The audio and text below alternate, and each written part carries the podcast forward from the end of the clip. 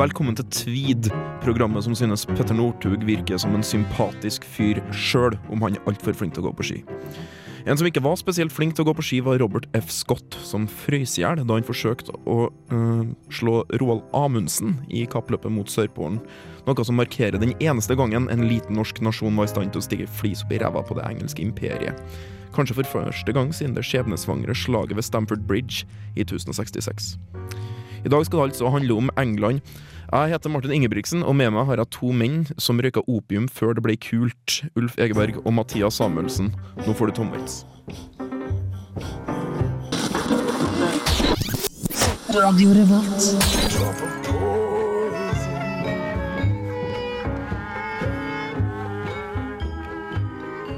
Little Drop of Poison av uh, vår alles kjente og kjære Tom Waits der, altså. God dag, Ulf.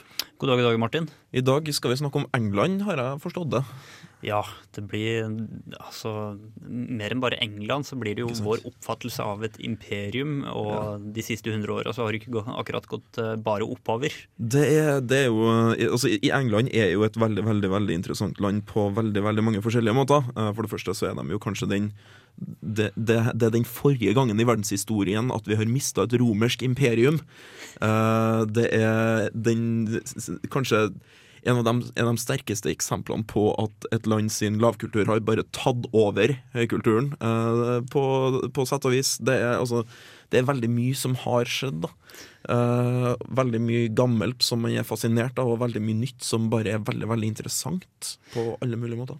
Men også om lavkulturen har, eh, har på en måte spist sin del av den britiske kaka. Snakker om fotball, da. Så altså, selv når du graver eh, ned i de nederste klassene også, Selv chauen greier å være pøbel på en um, overraskende sofistikert måte. De altså, det, er det er en sånn rule Britannia-mentalitet som bare gjennomsyrer hele formen, samfunnet fortsatt, er ikke det? En Idiot med stil. Ja, ja, herregud. Du, tre, du trenger ikke å være smart så lenge du gjør det med, så, lenge, så, lenge du er, så lenge du er teit med vilje. Mm, Og gjør det helt gjennomført. Ikke sant? Nei, de skal, de skal ha det engelskvinneren. De har uh, veldig, veldig mye å ta tak i. Vi har jo fått med oss en gjest også, Mathias Samuelsen. God dag. Pip, pip, cheerio. Ja. Jeg skyter inn her at det sola har vel så definitivt gått ned over det britiske imperiet. Um, det her um, jeg er jo i dag for å snakke om en profeti som eh, i hvert fall ifølge introduksjonen deres her eh, ble uh, Hva heter det? For, forfulgt? For, Oppfylt. Oppfylt. Oppfylt, Oppfylt, ja, riktig. Mm. Det at jeg ikke klarer å si det ordet, er kanskje også et resultat av eh, at denne profetien uh, ble forfulgt. Har du lyst til å utdype på noen som helst måte, eller? Nei, eh, jeg er her i dag for å prate om T.S. Eliot sin The Wasteland, Ja. som er en dommedagsskildring av en annen verden, Mm. eh, og som forteller hva som vil skje med vårt samfunn når det moderniseres og alle verdiene forsvinner, osv., osv. Frampekt kulturtips. eh, Der, altså, du er jo vanligvis uh, i Bokbaren, eh, som er et program som snakker om bøker. Mm. Uh, der er jo jeg også. Mm. Uh, der er ikke Ulf.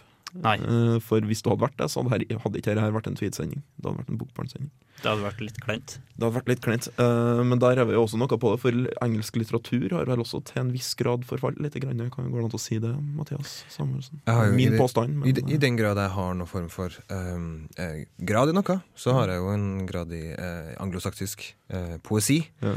Um, og den britiske litteraturen Mm. har vel på alle mulige måter forfalt. Den amerikanske har jo bare blitt bedre og bedre. Det er altså veldig mye å ta tak i. Eh, På sedvanlig måte så kommer vi vel sannsynligvis til å snakke mer rundt temaet enn faktisk om det.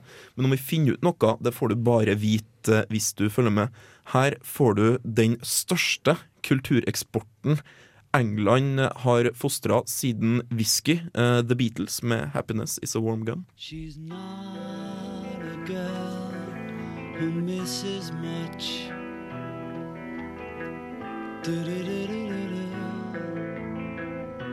Oh yeah.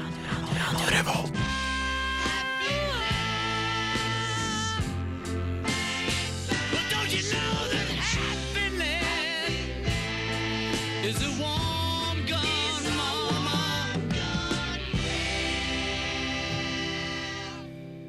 Jeg ble informert uh, her i sted om at uh, jeg kanskje kom til skade for å kalle whisky engelsk. Uh, Eller uh, insinuerte at Skottland var en del av, av Br- Britannia. Noe det jo selvfølgelig ikke Ja, altså her er jo Dette er grobunn for lange YouTube-klipp altså som prøver å forklare Ja, ja. forskjellen på det å være en brite og være fra Storbritannia, fra, the, British Isle, Great Britain osv. osv. ja, altså, Men du, altså, du kan jo si at til mitt forsvar så er jeg norsk og bryr meg ikke.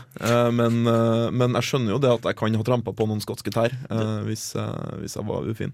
Det største poenget er vel å ikke insinuere at skotter nødvendigvis er briter. Det vil jeg, det vil jeg vedgå eh, med en gang. Skotter er ikke briter. Eh, heller ikke nordirer. Hvis de vil, så er det greit. Hvis de vil være briter, Ja. eh, så kan de få lov til å være briter. Vi setter ingen i bås. Nei, vi setter ingen i, ingen i bås. Uh, Glasgow Rangers og Glasgow Celtics kan godt få lov til å spille i Premier League hvis de ønsker det, men da må de begynne på nederste nivå som alle andre.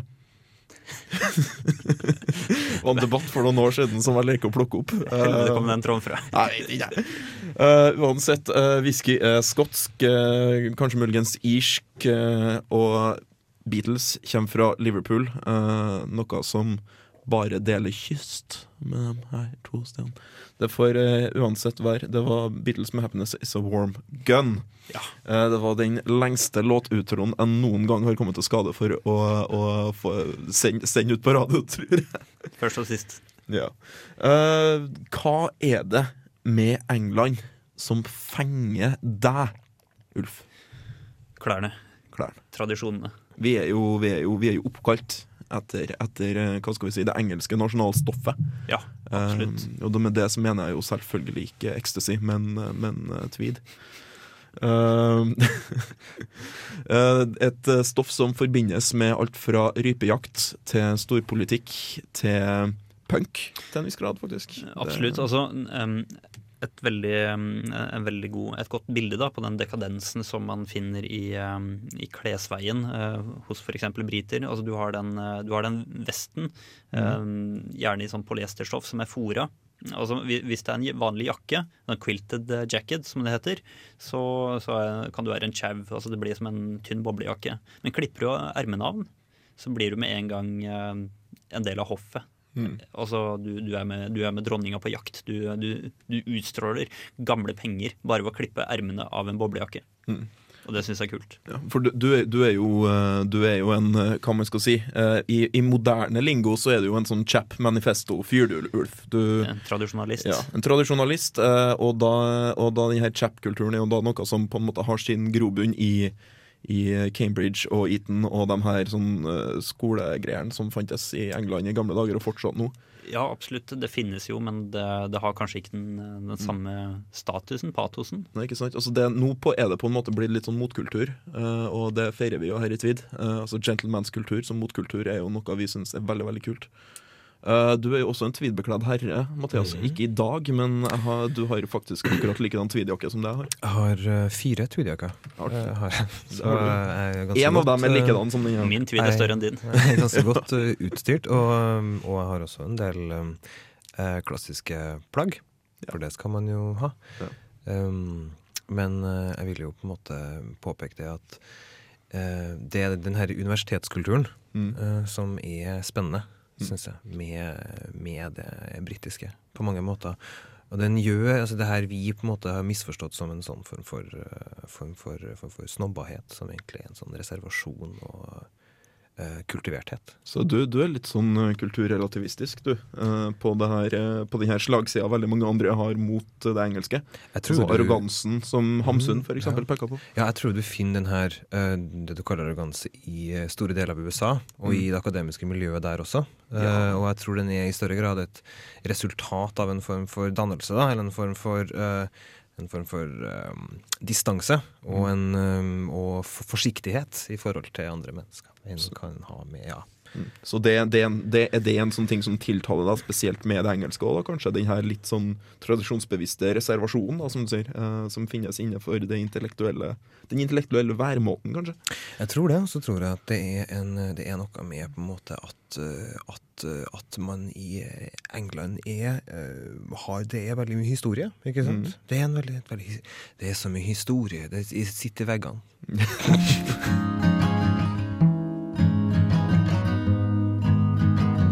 Du hører på Tweed. Uh, en av de tingene man kan si at skaper spesiell interesse for, uh, for, uh, for England hos en nordmann, er vel kanskje det samme som gjør at vi får eh, veldig lett får en interesse for Roma og, og Japan og Kina. Altså sånn, alle sånne steder som har veldig mye historie. Hvor du kan liksom gå gjennom historie og, og, og se på gamle kirker og si den ble bygga for 500 år siden, men det er fortsatt ikke det eldste på den gata her. Da- Det er jo noe vi ikke har her til lands. Jeg plukker jo opp det åpenbare sporet. altså Vi bor i Trondheim. Det er, Ja. det er en sånn gammelmodig, jovial, trivelig by, og alle snur seg til Nid- Nidarosdomen. Og så Mm. har vi mye kulturhistorie å pe- peke på. Ja.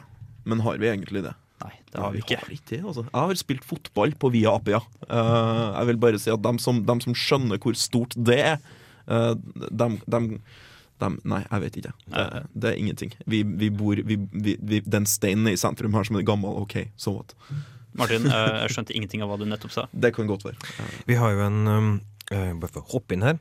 eh, en, et, et britisk aspekt ved, ved lokal, uh, lokalområdet vårt som jeg syns ofte blir oversett, er jo det her at parkene våre, altså Høgskoleparken, Marinen, alt sånt, der, er britiske parker. Det er det man kaller britiske parker. Altså man har eh, prøvd å få det til å se naturlig og urørt eh, på en måte ut av et parkanlegg, som da, i motsetning til å være fransk, da, som er på en måte dandert, ikke sant, er Ja, det, det, her, det her er litt spennende. Det her har jeg egentlig ikke tenkt over. For når man tenker på franske hager, så er det utskjærte hekker og sånn, men britiske har litt sånn på fosser. og sånn. Vet du en ting? Det er jo eh, kjempeinteressant, egentlig. Men folkens, jeg har vært eh, på flere universitetscampus i, på de britiske øyer, og samtlige har hatt linjalplener, linjalplener. Både i eh, form og høyde på gress. Mm. Hvor, hvor, eh, hvor passer det inn i engelsk og Jeg tror nok de er, mange av dem er eldre. Mange har en eh, form for eh, Altså det her er jo noe som hører til den britiske romantikken. Noe som hører til på en måte da England ble en kulturnasjon for fullt igjen, på en måte, ikke sant? Etter at Frankrike hadde tapt sitt. Man hadde fått eh, altså Tyskland hadde seilt opp på en måte under opplysningstida osv. Den britiske romantikken ble det som var ledende i, i Europa. ikke sant? Med Jane Austen, med Wordsworth og Coleridge i første rekke, og så Keats, Shelley, Byron, ikke sant? Mary Shelley og sånn der da. Og da ble jo det idealet, ikke sant? Den her uberørte naturen. Man lager jo ruiner som ikke var ruiner, men sånn fuskeruiner.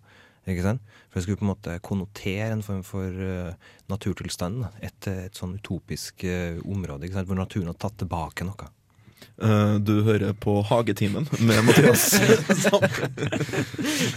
jeg har kjent deg i noen år nå. Jeg visste ikke at du visste så mye om, om, om internasjonalt Jeg hagebruk. er veldig glad i eh, hagen. Martin Jeg er en gartner til hjertet.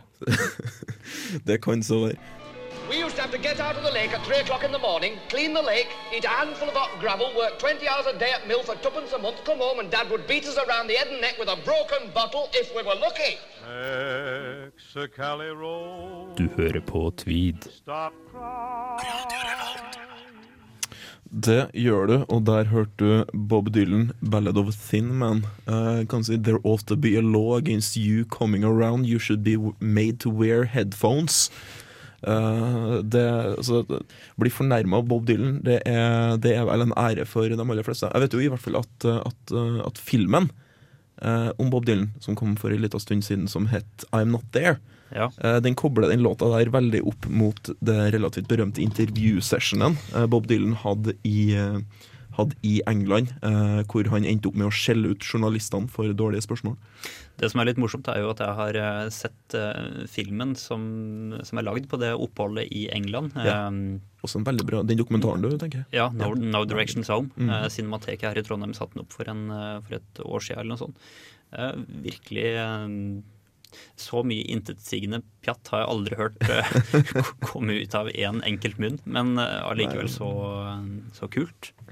Under et danmarksopphold så ble jo Len spurt Nei, Len, ja. Dylan ble spurt Mr. Dylan, are you a musician or are you a writer? Og på, på da eh, typisk dansk dansk aksent, da. Og så sa han No, I'm a song and dance man.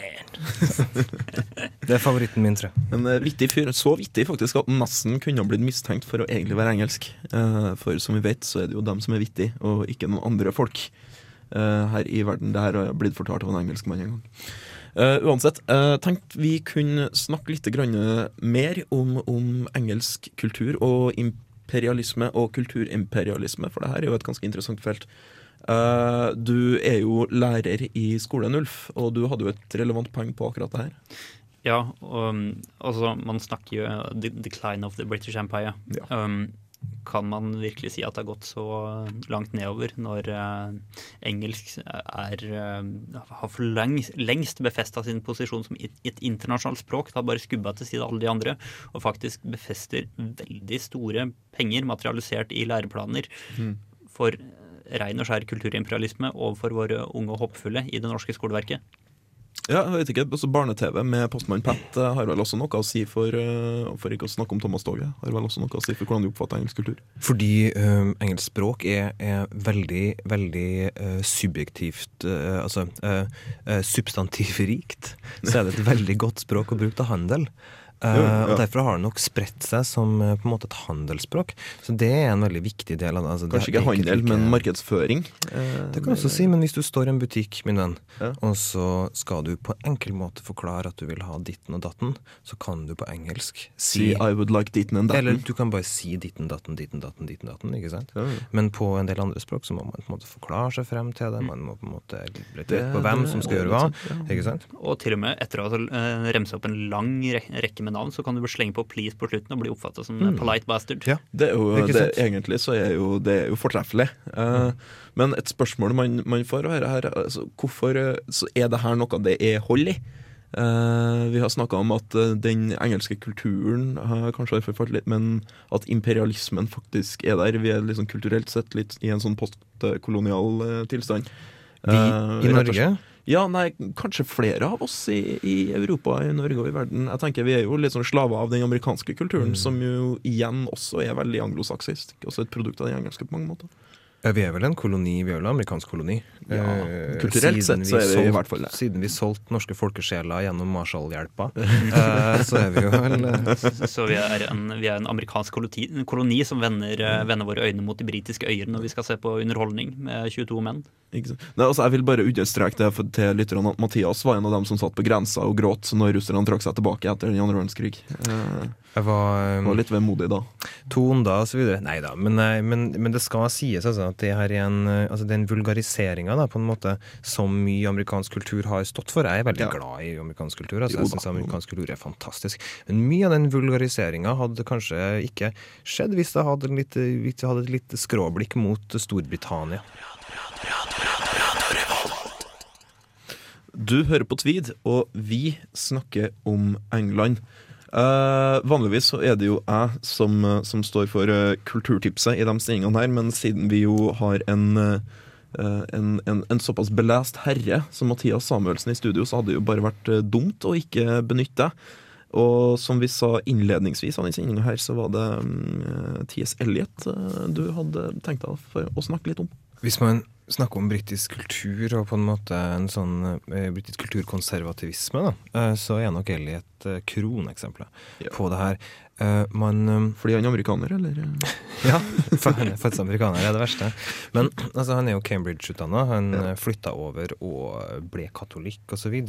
Han eh, den bo, altså, Hovedverket hans, da, eh, vil mange mene, i hvert fall poetisk, er The Wasteland, som kom i 1922. Uh, og er da en sånn eh, altså, et stykke dikt om hvor håpløst det kommer til å gå hvis man uh, går bort ifra på en måte kulturkonservative verdier Mm. og gir seg over til den her industrialiseringa og på en måte fragmenteringa av mennesket. Det skal jo sies at, eh, at Elliot er jo Altså, det går an å være avantgardist og være uh, høyre uh, konser, altså, altså konservativ. Ja. Uh, det man ikke kan være hvis man skal være avantgardist, det er småborgerlig og liberalistisk. Det går ikke an. Men det går an å være langt på ene sida og langt på den andre. Elliot var veldig langt på høyre side. Ja, han var litt småbrun i en periode hvor det var veldig hipt og trendy å være småbrun Mm. Han i var Europa. Det. Han var det da, da surrealistene, altså André Breton ikke sant, og, og kompisgjengen var kommunister, og det her var stålfronter mot hverandre i mellomkrigstida, Mm. så var Elliot eh, Ja, han var ikke noe særlig eh, Han var ikke noe særlig velkomne og, og sånn. Men, eh, men, men hvordan, eh, hvordan presenterer The Wasteland denne virkeligheten uten kulturkonservatisme? Eh, Det er jo på en måte en form for um, altså Den åpner med en sånn barndomsskildring, Ja. eh, hvor det er en, um, en halvadelig eh, person som på en måte sitter nede i Europa og snakker om hva som skjedde osv. Og, og så begynner det å rulles opp. Den er delt i fem, eh, og den har på en måte, og han henter inn alt av idé idéhistorie, alt av litteraturhistorie, på en måte for å illustrere det her fallet da, som kommer til å komme. Um, kanskje den sterkeste scenen i det er vel um, hvor, han, hvor han da bruker uh, Hvor han bruker Wordsworth uh, sin upon, uh, upon um, Westminster Bridge. Um, og han da står og ser på liksom, Westminster Bridge, og så siterer han Dante med I never thought death had undone so many. Uh, at massene kommer på en måte som spøkelser, som på en måte zombier over Westminster Bridge. da, ikke sant? Og det her er, det har det skikkelig gått til helvete. Themsen flyter over av gjørme. og det, sånn, ja, det Så, det, jo, jo, nei, så det, det er rett og slett gått litt grann til helvete i The Wasteland. Mm. Uh, men likevel så hører det høres jo veldig avantgardistisk og vanskelig og trasig ut. Og så er det egentlig et tips, det her. Mm, den er kjent for fotnotene sine. Den har jo, det er jo det første diktet som aktivt brukte fotnoter. det var så mye kompliserte referanser at han, at han kunne ikke la være fotnoter. Uh, men nei da, altså det er, er man, har man lest litt, så er dette her en veldig og det, er, og det er så vakkert. Det er jo utrolig vakkert. Og det må, Elliot er jo en av de virkelig store. Så man trenger jo ikke være enig med han på noen som helst måte for å kunne sette pris på det her. Men det, er- det er ikke introduksjonen til modernismen. Nei, men det er høymodernisme. Det er nok, ja. nok på en måte det jeg vil kalle mest høymodernistiske som eksisterer. altså. Uh, Elliot og DH Lawrence uh, og Ezra Pound osv. Joyce. Uh, Joyce, ikke sant. Det her er jo gjengen som var uh, avantgardister i London før eh, The Scene uh, flytta til, til Paris, på en måte. På sånn rundt 19, Mm. Med Joyce. 1915-1920. Ja, med Joyce. Før, og med før Pound, Joyce tok med seg scenen og flytta til sant? Paris. Elliot ble igjen i, Ja. i London, for å si det sånn. Og skrev kattebøker. Ja. Ja. Så øh, sånn er jo det. Eh, men den så klart kan den anbefales, og den bør leses i løpet av en livstid. Den tar deg en ettermiddag, eh, og du finner den sikkert gratis på internettet. Og det, det, kanskje som en litt sånn avsluttende anekdote Det er vel få ting jeg vet om som jeg syns er så lavkultur som Andrew Lloyd Webber, Mm. eh, selv om du kan like det. Og Andrew Lloyd Webber sin største suksess, Cats, Mhm. Er jo skrevet eh, basert på en diktsamling av T.S. Eliot. Ja. Så kanskje var det litt sånn en liten sånn trist sirkel der. Mm. En siste, Eh, en siste fun fact. Har vi tid? Ja. Ja. Um, da um, uh, den kjente litteraturteoretikeren Stephen Greenblatt, som for så vidt også var med i samme teatergruppe som flere i Monty Python, uh, jamfør den her, uh, clutchen vi uh, hadde i stad, um, uh, han sprang på T.S. Eliot uh, i gangen på Cambridge, så T.S. Eliot ramla. Sier han i hvert fall selv. Uh, bare så det I tipped T.S. Eliot. Her kommer eh, The Kinks med Victoria. Enda et eh, eksempel på hvordan etterkrigstida sitt eh, England ga oss vanvittig mye godteri til Og- ørene våre. Og for øvrig ønskelåta til Mathias. Ja, var det Hurra! Å,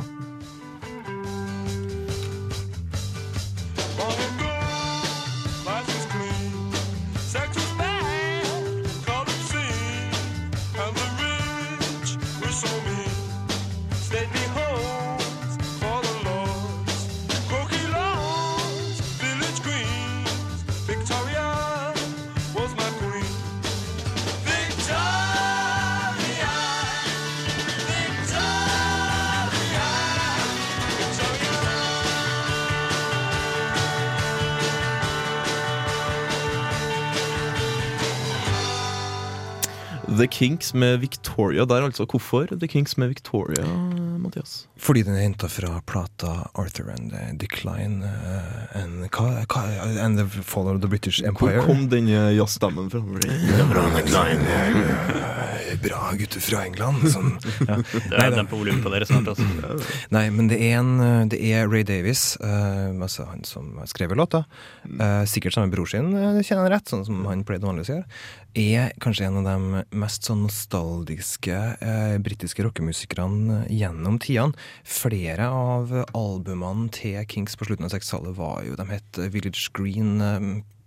Preservation Society, ikke sant. Altså den type De skrev eh, veldig mye om på en måte sånn britisk hverdag eh, rett etter eh, andre verdenskrig, på en måte. Station. Ikke sant? Litt den samme verdenen som Monty Python ofte snakker om. kanskje. Ja, det er jo, og det er jo en sånn form for så Det er en reaksjon på en sånn form for, eh, form for modernisering også, da. Ikke sant? Altså En sånn britisk storhetstid, et savn til en gang da man virkelig betydde noe. For på slutten av 60-tallet så hadde jo virkelig England gått til hundene.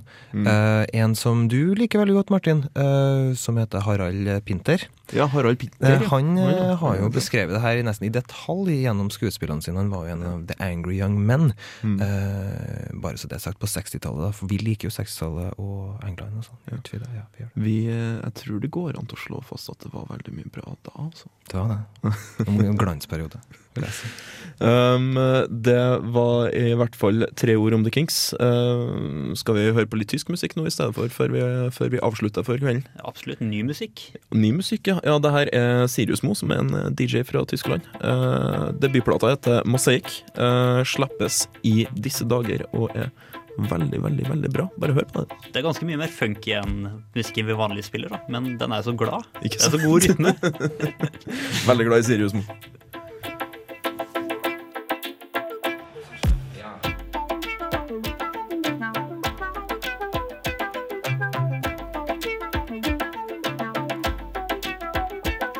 Radio Revolt.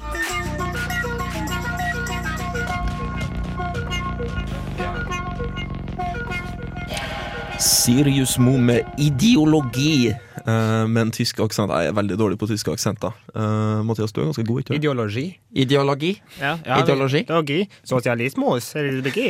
Ja, veldig bra. Det var, det var veldig, en, en veldig homofil tysk nordlending der. Vi, du, du, du hører de siste minuttene av eh, Tweed. Vi har snakka om England. Eh, det har vært veldig mye rock, det har vært mye forfall, det har vært mye kultur. Uh, hvis vi har kunnet Til og med mye om hage. Gardenings. Gardening. On Modern Gardening, som i boka av Horace Walpole heter. Fra 1700-tallet. Eh, hvis vi skulle snakke om noe mer, hva har vi kunnet snakke om? Altså, vi kunne absolutt prata mer om kleskoder, og spesielt i forbindelse med hvordan man blir oppfatta som en engelskmann, gjerne på et universitet. Og det å, det å bære tweeden med akademisk patos.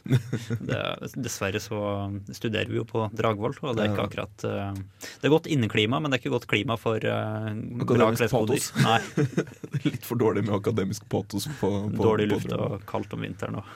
Har vi lært noe om, eh, om, eh, om England? Har vi klart å snakke oss frem til noen nye, nye innsikter? Hvis du eh, satt hjem hjemme der uten eh, et grunnfag i litteraturvitenskap, så har du lært noe i dag. Ja. Jeg har lært forskjellen men jeg- jeg- Det har Var, var ikke det her Var, var ikke det litt sånn britisk arrogant sagt? Det var Det syns jeg var fint. Jeg, jeg, jeg, fornøyd. er- Takk for at jeg fikk være, være med. Det var hyggelig at jeg fikk inn den. Anytime. Uh, jeg har nå i hvert fall lært, uh, lært uh, at jeg visste forskjellen på en, på en fransk og på en engelsk hage. Jeg har aldri vurdert før at, at det faktisk var en forskjell, og at jeg visste den. For dem som er interessert i å se det her i byen eh, live, så kan gå bak Stiftsgården. Det er en eh, fransk hage. kan, kan, du basere det på? Er det eller Det er symmetri, det er ganger, det er på en måte gjort øh, Det er overveid, da. Eh, Den er dandert som ei kake. Enn du, en du Ulf, har du, noe, har, har du noen nye innsikter på England og det engelske? Nei, altså, jeg, jeg lærte jo Jeg har angrepet eh, Wasteland eh, på, eh, på Dragvoll-måten. Det vil si tvunget til å lese det for å få studiepoeng. Mm. Ikke sant. Jeg ville mye heller introdusere for Wasteland av radarparet Mathias Mm. og Martin. Ja, det, det, Wasteland, det må understrekes at Wasteland er Mathias sin, Mathias sin, sin greie. Jeg er mer på Joyce. jeg. Okay. uh, skal vi begynne å si at uh, Tweed er et program du ikke bare kan høre på radio, men også på internett og på podkast og på sånne ting. Uh, at, vi, at vi går hver uke til samme tid, og at du hører på Radio Revolt. og sånn. Skal vi begynne, å- begynne å ta den? Ja, vi gjør det. Det er ikke okay. bare et program på radioen, det er også et stoff. Eh, la, oss, la, oss være det, eh, la, la det være siste engelske tørrvittighet eh, for i kveld. Jeg heter Martin Ingebrigtsen. Jeg vil gjerne takke min faste makker Ulf Egeberg. og min andre faste makker, om enn i et annet program, Mathias Samuelsen, for å ha vært med i kveld. We used to have to get out of the lake at three o'clock in the morning, clean the lake, eat a handful of hot gravel, work 20 hours a day at mill for twopence a month, come home and Dad would beat us around the head and neck with a broken bottle if we were lucky. Mexicali Road. Du hører på Tweed. Stop crying.